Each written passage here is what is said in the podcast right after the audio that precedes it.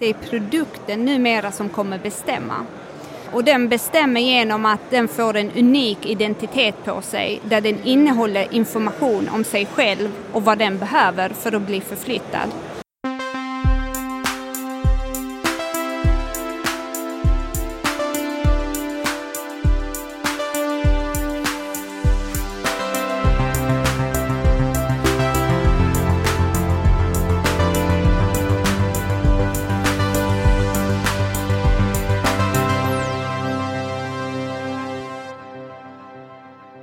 Välkommen till Heja Framtiden, jag heter Christian von Essen och idag sänder vi från Empac 2019 i Kistamässan. Eh, det är alltså Empac och Packaging Innovations och Logistics and Distribution. Det finns allt man kan tänka sig här.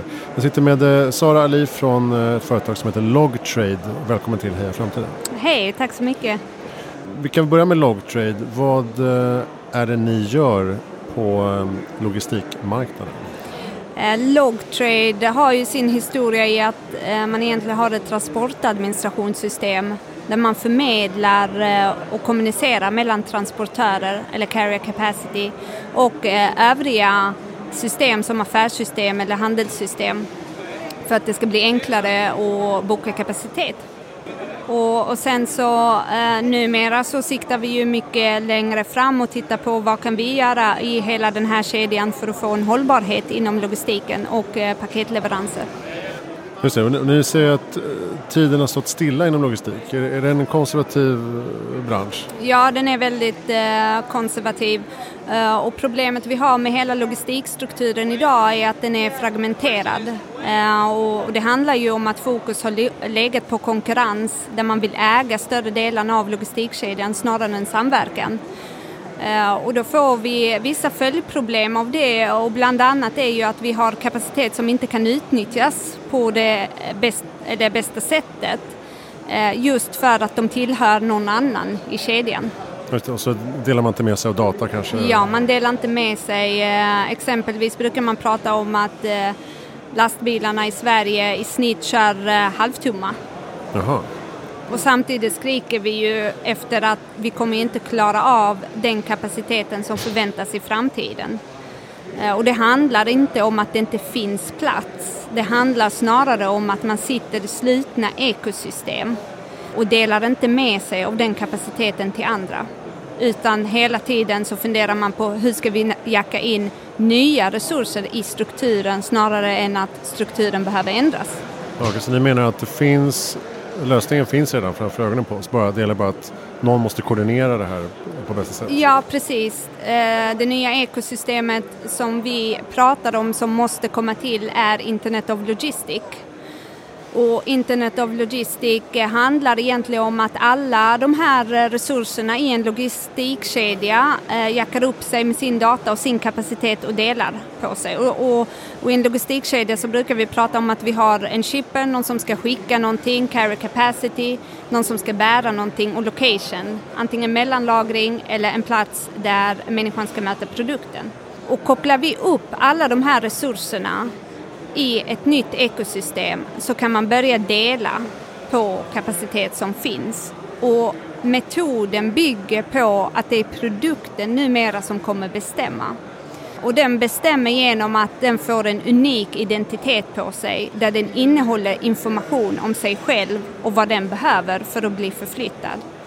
Sen är det inte så enkelt att det är bara tekniken utan det handlar om att vi måste lägga på lite prediktion här också och börja förflytta saker successivt och över en tid istället för att hetsförflytta produkter hela tiden.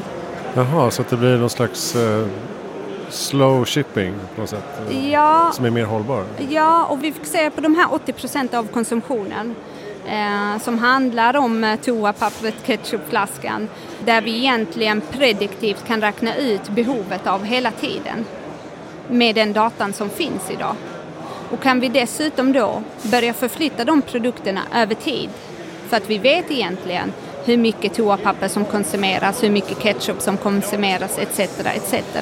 Mm. Då kan vi förflytta dem saktare med hjälp av billigare mellanlagring. Istället för att det tar slut ja. på hyllan?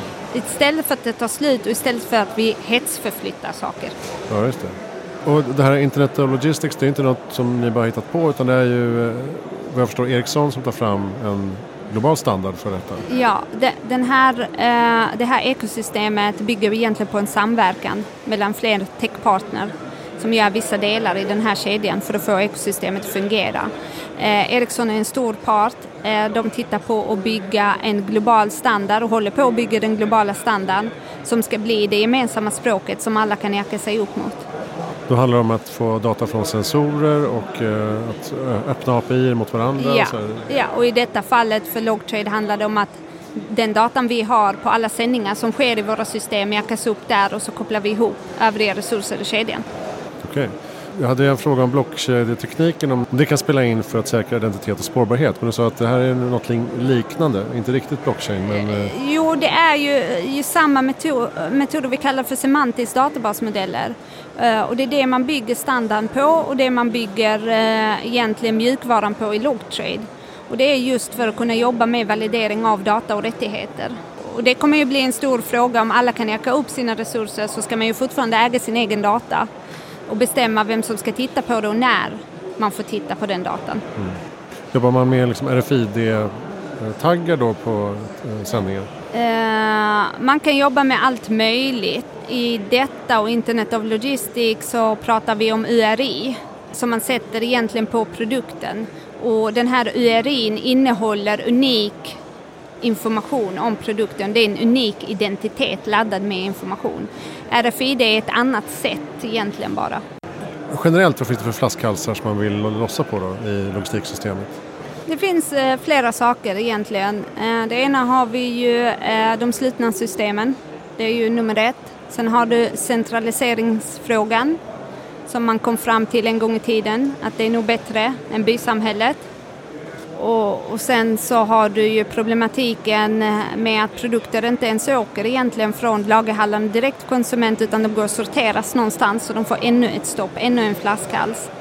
Eh, och, och det handlar om att bryta de här lagerhallarna till mindre logistikhubbar närmare konsumenter och sprida ut produkterna. Så egentligen tillbaka till bysamhället fast uppkopplat. Ja, för många pratar ju om eh, last mile som den stora utmaningen för distributörer till exempel att där är det ofta någonting som går snett eller det skulle kunna liksom vara så himla mycket mer flexibelt. Eh, finns det stora möjligheter där också med bättre användning av data att eh, koordinera? Förflyttar vi produkterna närmre så kan vi lättare använda last mile-aktörerna på den sista kedjan. Idag, tror jag att problematiken är ju när de ska ta vid i kedjan, last mile-aktörerna. Du, du ser dem som en separat Nej, nej, nej, utan detta är ju eh, precis som allt annat är det transportkapacitet. Vi, eh, vi särskiljer inte transportkapacitet i detta ekosystemet. Det skulle kunna vara du som kan bära ett paket. Mm, just det, att man eh, utnyttjar någon slags eh, delningsekonomi, ja, ja. appekonomi. Ja. Eh, du ska ändå till Göteborg, då kan du ta med det här paketet. Precis. Ja. Precis. Ja, det finns väl eh, både risker och möjligheter med, med ett sådant system?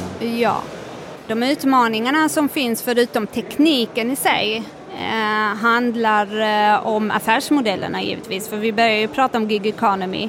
Eh, det andra är ju att vi har juridiska aspekter på detta som behöver lösas också. Om någon öppnar paketet och ser att det är något olämpligt i det.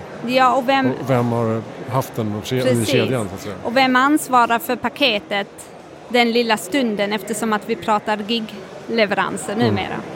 Vad eh, innebär eh, cirkulär logistik då?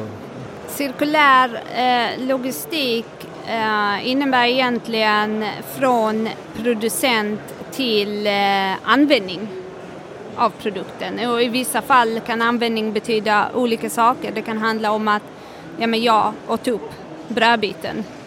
Eh, men sen kan det vara att denna väggen ska demonteras om tio år och då ska den återvinnas på det sättet. Ja, just det, eh. för det är en logistikprocess efter varans eh, livstid Precis, också. precis. Eh, och det är det vi kan ladda in den här URI med. Både information men också instruktion om vad som ska hända med saker och ting. Okej, okay, så om tio år kommer faktiskt någon och hämtar den här väggen? Om vi har bestämt det? Ja, om man lägger URIn bakom en QR-kod så kan du bara scanna och veta vad du ska göra med väggen. Alternativt att man lägger in en trigger, precis som du säger, att om tio år ska någon komma och hämta den och den ska dit. Mm. Det gäller att man kanske får en varning innan då. Så att inte Ja, det bara försvinner. bilen, din bil skrotas nu. Ja, ja, ja, ja. Ehm, vilka möjligheter ser du generellt i framtiden då inom det här området? Det vi vill komma till egentligen att det fysiska får internet och blir uppkopplat. Och får vi uppkoppling och att eh, det fysiska får internet så kan saker och ting förflytta sig själv och faktiskt dessutom sälja sig själv i autonoma flöden.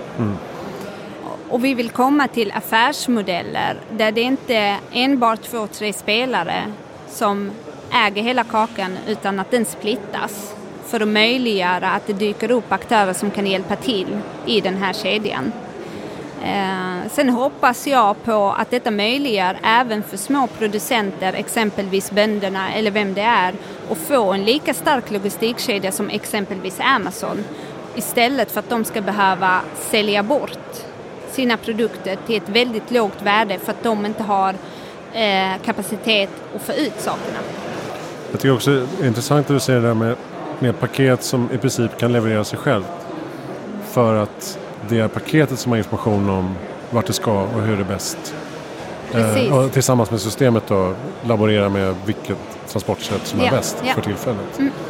Ser man case i praktiken där det här redan finns? Ja, vi har några case som är igång just nu. Eh, Men alla casen som vi har just nu är väldigt avskalade och på ett litet flöde. Och så behöver vi jobba agilt tillsammans med de aktörerna som är modiga och testar på detta nu. Tills vi har hittat affärsmodellerna och löst vissa puckar som behöver lösas. Och sen så kommer vi kunna göra en skalning av detta. Så du kanske möter eh, en, eh, en Secured utanför porten på test någon gång. Eh, för det är ett test vi håller på bland annat med Econova som säljer produkter för trädgård. Men, men det kommer ta en stund. Dels så behöver vi att människan vänjer sig vid att saker och ting bara kan stå där de kan köpa det. Sen behöver vi ändra juridiken. Det där med obemannade butiker, tydligen måste du ha anstånd eh, eller tillstånd för att att ha en handelsplats. Så vi kan Jaha. inte bara lägga saker överallt. Okej. Nej, och sen eh, med, med digitala lås kanske blir lättare också. Ja, så, att, eh, så i Att så här, min bil står i det där garaget, så fyll den med jord. Precis, precis. Men det är ju samma, vi har ju pratat länge nu om att saker och ting blir uppkopplade och tvättmaskinen som kommer beställa tvättmedel när det är dags. Problemet vi har haft med att få igenom de här innovationerna det är ju på att vi har kopplat upp tvättmaskinen men vi har inte kopplat upp tvättmedlet. Börjar vi få en uppkoppling på tvättmedlet också då kan det börja bli en matchprocess. Men detta är någonting som kommer växa fram sakta över tid. Just det. Nej, men det, det där är en framtid jag ser fram emot. Ja, Att jag också. Slippa inte, inte släpa en massa skit. bara, Oj, nu är bara tre toarullar kvar. Nu lägger vi en beställning och så kommer en ny bal. Ja, eller du ska egentligen inte behöva lägga en beställning. Nej men det läggs en beställning Ja. automatiskt. Ja, Och så står utanför dörren en, en Precis. här toabal. ja men det gillar vi. Bra. ehm, kolla in logtrade.se. Där finns det ganska mycket skrivet. Ni har ju en aktiv eh, blogg. under eh, Internet of Logistic. Ja just det. Ni, ni liksom tar, tar lead på det begreppet kan man säga. Ja. Bra. Tack snälla Sara Ali för att du kom till Heja Framtiden. ja, tack för att jag fick vara med. Och eh, lycka till vidare på Empac 2019. Vi fortsätter rulla härifrån. Kolla in hejaframtiden.se för allt du behöver veta. Tack för att du lyssnade.